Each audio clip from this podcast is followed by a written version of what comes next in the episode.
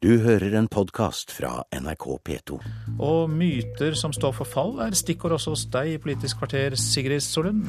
Skjønt Fremskrittspartiet frykter at det ikke er noen myte at innvandrere kan komme i flertall i Norge. Og Erik Solheim mener norsk miljøbevegelse er sint og smal, men møter en han mener kan endre på det.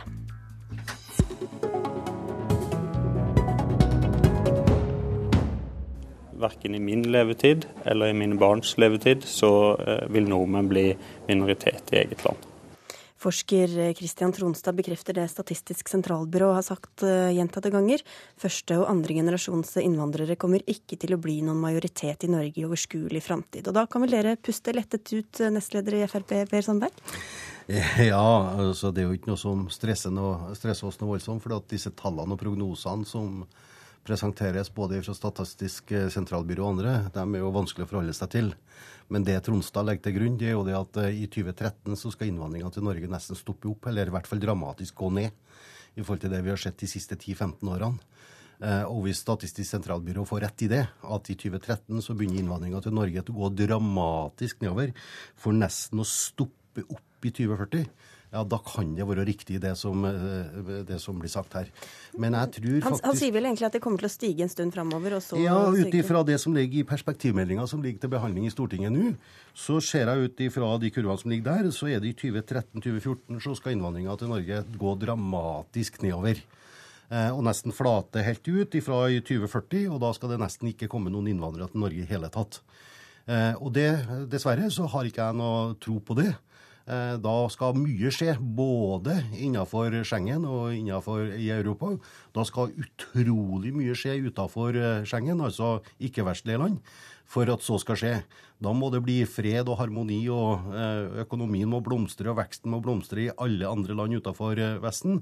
Og så må den økonomiske uroen i Europa eh, balanseres og ta seg opp. Jeg tror dessverre ikke noe på det. Og hvis man også ser på de alternativene som Statistisk sentralbyrå har lagt til grunn, både høy, middel og lav, så tror jeg faktisk at høy, det høye alternativet som ligger i Statistisk sentralbyrå, og som også ligger i perspektivmeldinga, eh, er mer riktig i forhold til det at, eh, at innvandrere, eh, eller mennesker med innvandrerbakgrunn, vil Eh, ja, eh, det er jo vanskelig å anslå tall, årstall, men at, at, at nordmenn eh, vil bli et mindretall i Norge i, i løpet av en eh, 70-80-90 år, det er jeg ikke i tvil om. Nei. Håkon Haugli, stortingsrepresentant for Arbeiderpartiet. Hvor viktig syns du det er å vite hvor stor del av befolkningen som har innvandrerbakgrunn eller ikke? Det ligger under i hele dette resonnementet at det er et problem at det kommer folk til Norge. Og det jeg lyst til å starte med å si at eh, jeg syns vi bruker veldig mye av innvandringsdebatten på å diskutere hvor mange som kommer, hvor de kommer fra osv., og, så og ikke sier klart og tydelig hvor avhengig Norge er av den arbeidskraften som de som kommer hit, eh, representerer. Altså Norsk oljeindustri har vært avhengig av spesialister helt fra starten av, og slik er det med mange næringer. Det var en debatt om servicenæringer nylig osv. Men det er klart innvandring byr også på noen utfordring, og, utfordringer. Og det er det viktig at vi også eh, forholder oss til. Og vi har kanskje eh, ikke tatt de på stort nok alvor. Det handler bl.a. om hvor viktig det er at barn lærer norsk når de bor i Norge. Og det store paradokset med Fremskrittspartiets innvandringspolitikk er jo at de vil jo kutte i alle disse ordningene som bidrar til at barn kommer i barnehage, og opprettholde kontantstøtten, som er medvirkende okay. til at barn ikke lærer norsk. Vi går ikke inn i hele den debatten. Nei, Vi kan, vi kan, vi kan gjerne ta en, vi vi kan gjerne ta en integreringsdebatt. Ja, men Det er ikke det vi skal snakke om. Nei, Per Sandberg, men- hvor, hvor men- lenge skal personer som har mor eller far eller besteforeldre eller oldeforeldre få høre at de ikke er ordentlig norske? Jeg vil likevel påpeke, når, jeg, når det blir lagt fram slike påstander, så må man se på hvorvidt at man har lykkes med integrering eller ikke. Det har man altså ikke. Nei. Nei. Okay, men så- Så så er det til mitt helt- spørsmål. Det, det er veldig vanskelig å definere, men hvis man skal forholde seg til det som Statistisk sentralbyrå i hvert fall penser litt innpå, så er det sånn at du må ha en tilhørighet til Norge, enten gjennom besteforeldre eller lenger ute. Men dette her er jo helt umulig eh, å lage prognoser og definere på noen slags måte. For at eh, grensene er åpne. Det kan være eh, nordmenn som reiser ut og finner seg ektefelle, som får barn. Og da er det helt umulig å definere når du vokser opp i Norge, hvorvidt at du er etnisk norsk nordmenn eller innvandrer eller men, men poenget mitt er at man skal se på de tallene. og er, altså Vi står overfor en befolkningseksplosjon i Norge. Det er ikke noe tvil om særlig de store byene. Eh, Oslo er veldig ute å kjøre. Så er det ingen tvil om at i hvert fall da, i løpet av 80 år, da, kanskje lett meg si 90 år, da, så vil det i hvert fall ha passert 10 millioner mennesker i, i dette landet. Og Hvis man legger til grunn da dagens etniske norske befolkning, eh, med de, med de, med de eh, premissene som ligger i dag, så vil det være sånn at eh, det er 10 millioner innbyggere i Norge, og så vil den etniske norske befolkningen være på 4,5 fortsatt. Ok, Men hvilken rolle spiller det, så lenge de betaler sin skatt og stiller på dugnad, liksom? Det er viktig. fordi at når jeg hører hva som blir sagt her nå, så er det flere og flere eksperter som altså går ut nå og sier, til og med på NRK, Økonomien er ikke avhengig av innvandring. Og nå alle må jo forstå det, at det lille landet vårt, med å ta imot 50 000-60 000 innvandrere hvert eneste år, uten å ha tilrettelagt for arbeid, skole osv., så, videre, så blir det ikke sånn som programlederen påpeker. Da vil man ikke få en situasjon der at man betaler skatt. Og Oslo er beviset på det. Okay, hvis, du ser, hvis du ser, på Oslo over 40 år, så går det feil vei. Ja, jeg, for det første så mener jeg det er helt uh, feil å framstille som om det er uh, altså Oslo, Utviklingen i Oslo er katastrofalt dårlig. Altså Oslo-skolen er den beste i landet. Den er, Skolen, jeg tenker på økonomien. Ja, men, det er, men det er viktig. Ja, økonomien også. Men er, det er mytene her som uh, Frp ønsker å holde liv i. Og jeg, jeg, altså Hele dette resonnementet er basert på en slags frykt og uro. Nei, jeg, hvem, er, altså, hvem er innvandrerne? Jeg tror vi, jeg syns vi har en språklig utfordring også. Vi snakker om førstegenerasjons og annengenerasjons innvandrere. Altså Annengenerasjons innvandrere har ikke vandret noe som helst sted. Jeg tror det er viktig at vi begynner å snakke om førstegenerasjons nordmenn. Folk som har en tilhørighet til det norske eh, samfunn. Jeg syns også begrepet etnisk norsk er veldig problematisk. Ja, det... Hvor passer adoptivbarn inn i det, f.eks.? Altså Etnisitet er ikke en variabel. Hvilke signaler mener du Fremskrittspartiet ja, jeg mener at de, de, bidrar til å skape en unødvendig uro. Jeg tror ikke folk kjenner seg igjen i den. Altså, Folk flest møter innvandrere eh, i mange sammenhenger. De møter dem på aldershjemmet, de møter dem på bensinstasjonen, de møter dem på jobben og andre steder. Og jeg tror de aller fleste oppfatter at folk som kommer hit, de bidrar med sitt arbeid. Kommer vel litt an på eh, hvor du bor og hvem du spør. Jo, det er klart det varierer noe rundt omkring i landet, men det er nok blitt sånn at i store deler av Norge så møter man innvandrere, om det er på, i fiskeoppdrett eller om det er, eh, det er eh, på skoler i Oslo, så tror jeg det er ganske likt. Men jeg tror dette ideen om en sånn tikkende bombe, det er den vi må vekk fra. Dette er en myte Frp ønsker å holde liv i, og den er veldig skummel. Og den bidrar til å stigmatisere folk som bidrar godt i det norske samfunnet, og som heller bør få en takk for at de kommer hit og bruker sin arbeidskraft og energi på å bygge det norske samfunnet. Vet du hva, den leksa som kom her nå, det er den som stigmatiserer. Fremskrittspartiet har ikke brukt noen av disse ordene som tikkende bomber eller fare på noen slags måte. Vi, Men hvorfor, vi, vi, hvorfor, hvorfor, bekymrer, hvorfor bekymrer det at det blir et flertall av eh, såkalt innvandrere i Norge? Hva er det som er bekymringen? Vi forholder oss til de tall og prognosene som ligger til grunn, og så sier vi ja, det kan være at innvandrere vil ha et flertall i Norge. Det er en realitet. Og så får vi diskutere utfordringene ut ifra det. Nei. Og når du påpeker som Oslo-representant at Oslo har orden i sin økonomi, at det har gått så glatt i Oslo, så syns jeg du skal gå inn på Statistisk sentralbyrå. Ja, okay, vi, går ikke inn på Oslo. Det er, det er et program for millioner av lyttere i hele landet. Ja, men det er ikke så veldig, fra topp til botten, men det er ikke så veldig lenge siden dere var ute og advart mot eh, muslimsk flertall. Altså, dette er jo bare en forlengelse av den debatten. Det... Kan, du, kan, du, kan, du, dokumentere det, at noen har sagt det? Ja, altså, dere har i hvert fall mange ganger påpekt at vi får en stor muslimsk befolkning i Norge. Stor muslimsk. Men, og hva er problemet? Kan du benekte det, eller? Hva er problemet? Nei, men nå må du høre her. Har Fremskrittspartiet sagt at vi vil få et muslimsk flertall, okay, eller ikke? Dere har Nei, mulig, det, er mulig dere Når du går tom for argumenter, så skal du spre løgner i tillegg. Vi, vi kan finne fram gamle, gamle sitater om det. Men det, det er bra du klargjør at den bekymringen ikke er til stede. Da ble det mye bråk her på slutten, men vi får takke av Per Sandberg og Håkon Haugli for at dere kom til Politisk kvarter.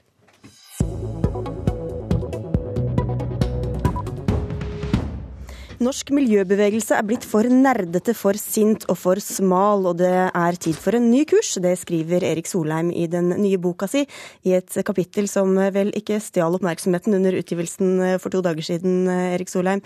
Hvordan mener du norsk miljøbevegelse har ødelagt for seg selv og for hele miljø- og klimakampen? La meg først si at Jeg skriver 100 sider eh, om miljø i denne boka, så det er flott at det nå endelig blir litt oppmerksomhet om det. Eh, norske miljøorganisasjoner har mye færre medlemmer enn de, i de landene som det er naturlig å sammenligne seg med. Det er kanskje en femtedel så mange medlemmer som i Sverige og Danmark. Da er det jo, og tilsvarende i Tyskland. Da er det grunn til å spørre om hva kan vi gjøre for å få mange flere medlemmer. Hva har eh, vært gjort gærent da, mener du? Jeg tror at vi har for liten grad tappet inn i det som er kjernen i menneskers miljøengasjement. Altså hvorfor ble jeg virkelig miljøengasjert da jeg var ungdom og har vært i 40 år siden? Kjernen i det er kjærligheten til naturen. Kjærligheten til norsk natur. De stedene jeg går tur, i Nordmarka eller på Sankthanshaugen eller fjellene i Gudbrandsdalen, som jeg eh, har vært i, i hele, hele, hele, mitt liv. Og kjærligheten til den fantastiske, skjøre tingen som planeten Tellus er. Med, ok, Det var løs, forslaget til løsning, men hva mener du at jeg har gjort galt? Snakket altfor lite om dette. Altfor mye om kan kalle det dingser og bomser. Eh, tekniske løsninger som er nødvendige, men som ikke, ikke, ta, ikke virkelig berører folks hjerter. Og så er det én ting til, og det er at Norge har ikke noe hva han kaller det miljøpolitikkens LO, noe overordnet instans. Vi har seks, sju, åtte omtrent like store, litt forskjellige miljøorganisasjoner. Og de kjemper hver dag og time om å komme i, komme i media. Og da er tendensen at den som skriker høyest, den som er sintest hver dag, Eh, kommer i media. La oss si Ola Borten Moe kom med et utspill om olje da, som, som, ikke jeg vil være enig i. Så vil den miljøorganisasjonen som er aller sintest på Ola Borten Moe, den vil komme i media. Men over tid så skaper ikke det noe hyggelig inntrykk av en miljøbevegelse når de som er der, nesten hver gang er litt sinte. Men det er én du trekker fram som ditt store forbilde i miljøpolitikken? Jeg har trukket fram Nina Jensen, som sitter her, som et forbilde. For hun snakker om miljøpolitikk i en vanlig stemme, ikke i fistel, på en hyggelig måte, som jeg tror har appell til mennesker der ute. Og jeg vil ha mye mer av det. Fleder, vi kunne ikke, eh, Nina Jensen, vi kunne ikke annet enn å invitere deg. Hvor mye kjenner du deg igjen i det Solheim sier? Nei, For det første så syns jeg det er veldig hyggelig å bli trukket fram på, på, denne måten. Og WWF forsøker jo i stor grad å være både løsningsorientert, snakke på en enkel og forståelig måte og løfte engasjementet til naturen. Men jeg er jo helt enig med han i eh, eh karakteristikken og miljøbevegelsen som helhet. Vi har vært altfor sutrete. Vi har fokusert altfor mye på problemene. Det er de som hyler høyest, som, eh, som kommer i media. Og vi har vært altfor dårlige til å få fram alt det vi faktisk får til. Miljøbevegelsen har gjort fantastisk arbeid. Så en viss selvkritikk eh, på eh, egne vegne? Ja, i aller høyeste grad. Ja, men jeg får si at Dette er også selvkritikk på mine egne vegne. Jeg har vært en del av miljøbevegelsen i Norge i 40 år. Jeg er livsvarig medlem av Naturvernforbundet og i styret og medlem av nær sagt alle organisasjonene. Så dette er ikke å sitte og kritisere andre. Dette er bare at vi er nødt til å legge oss på en ny kurs, fordi miljøkampen er så utrolig viktig for Norge. Det er det store spørsmålet i vår tid. Da må vi nå vire ut. Men du savner altså mer eh, feiring av de seirene man, man har fått til, Erik Solheim. Men hvor mye jubel og skulderklapp du, har du forventet i regjering mens utslippene tross alt bare har gått eh, oppover? Det er utrolig viktig at miljøbevegelsen ikke angriper politikerne generelt, eh, men angriper de politikerne som er miljøfiendtlige, og, og, støtter og hjelper de politikerne som ønsker å få til noe med miljø. Så du har savnet mer sånn personlig støtte Nei, fra miljøbevegelsen? Nei, men Dette er akkurat samme som i næringslivet. Hvis man sier at alt i næringslivet er dårlig, så blir det totalt meningsløst. Hvis man derimot angriper de bedriftene som gjør veldig dårlige ting, som ødelegger og skader miljøet, men på den annen side hyller de bedriftene som virkelig får til noe, Puma er en internasjonal organisasjon, Bodyshop en annen internasjonal bedrift. Begge har laget fantastiske miljøregnskaper for sin virksomhet. Og da må vi få de andre til å gjøre det samme, og ikke skjelle ut alt næringsliv på en gang. Høres ut som dere, Solheim har savnet litt mer eh, koseprat fra dere,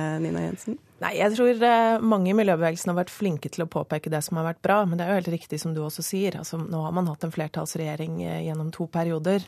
Eh, og utslippene fortsetter å gå opp, og vi er langt ifra å nå de målsetningene som vi har, både på klima og naturmangfold. Så regjeringen hadde jo hatt store muligheter til å virkelig gjøre en forskjell. Og så er jo ikke det Erik Solheims feil at det ikke har skjedd. Men han har jo også sittet i en regjering hvor, eh, hvor, ting ikke har gått den riktige veien. Men jeg vil gjerne fremheve spesielt to ting som har vært banebrytende i denne regjeringen, og som det er viktig at folk er klar over. Vi har fått et stort globalt regnskoginitiativ gjennom Redd Pluss, som er en av de viktigste tingene vi kan gjøre både for verdens klima og for verdens naturmangfold. Og vi har fått et tilsvarende eh, initiativ på energi, som heter Energi Pluss, som skal bidra til eh, en kraftig økning og oppskalering av eh, fornybar energitilgang for verdens fattige. Litt, Dette er supert. Litt skryt der, altså. Men miljøbevegelsen bør reorientere seg og bringe miljøet inn i politikkens sentrum, skriver Solheim. Ser du på det som miljøbevegelsens oppgave, og ikke overlate det til venstresida? Ja, det tror jeg da absolutt. Eh, vi har en stor kamp eh, å kjempe fremover. Og hvordan skal vi få til det? Vi må skape engasjement der ute. Vi må få folk til å forstå verdien av intakt og verdifull natur. Og få eh, skape det engasjementet og ønsket om å faktisk ville ta vare på den. Eh, Erik Solheim, du snakker om kjærligheten til naturen, og én ting er jo hva det kan gjøre med folks eh, bevissthet og opptatt, hvor opptatt de er av liksom, det lokale miljøet, men hvor uh, viktig er det for å skape et engasjement for klimautslipp og hva som skjer i Bangladesh? Jeg tror det er helt avgjørende, for hvis man føler den, den kjærlighet til naturen, den utrolige undringen over de fantastiske plantene og dyrene som lever på denne kloden, og menneskets plass i det hele, så vil man jo alltid trekke den konklusjonen at vi kan ikke være den generasjonen som ødelegger denne fantastiske, skjøre tingesten. Vi må være den generasjonen som viderefører den i samme eller bedre stand til neste generasjon som vi mottok den. Og Dette er kjernen i det miljøengasjementet som vi må få ut mye breiere. Da nikker dere og smiler så mye at vi må si takk for at dere kom, Erik Solheim og Nina Jensen. Politisk kvarter er slutt. Jeg heter Sigrid Solund, og det er all grunn til å bli på P2 utover dagen. Du har hørt en podkast fra NRK P2.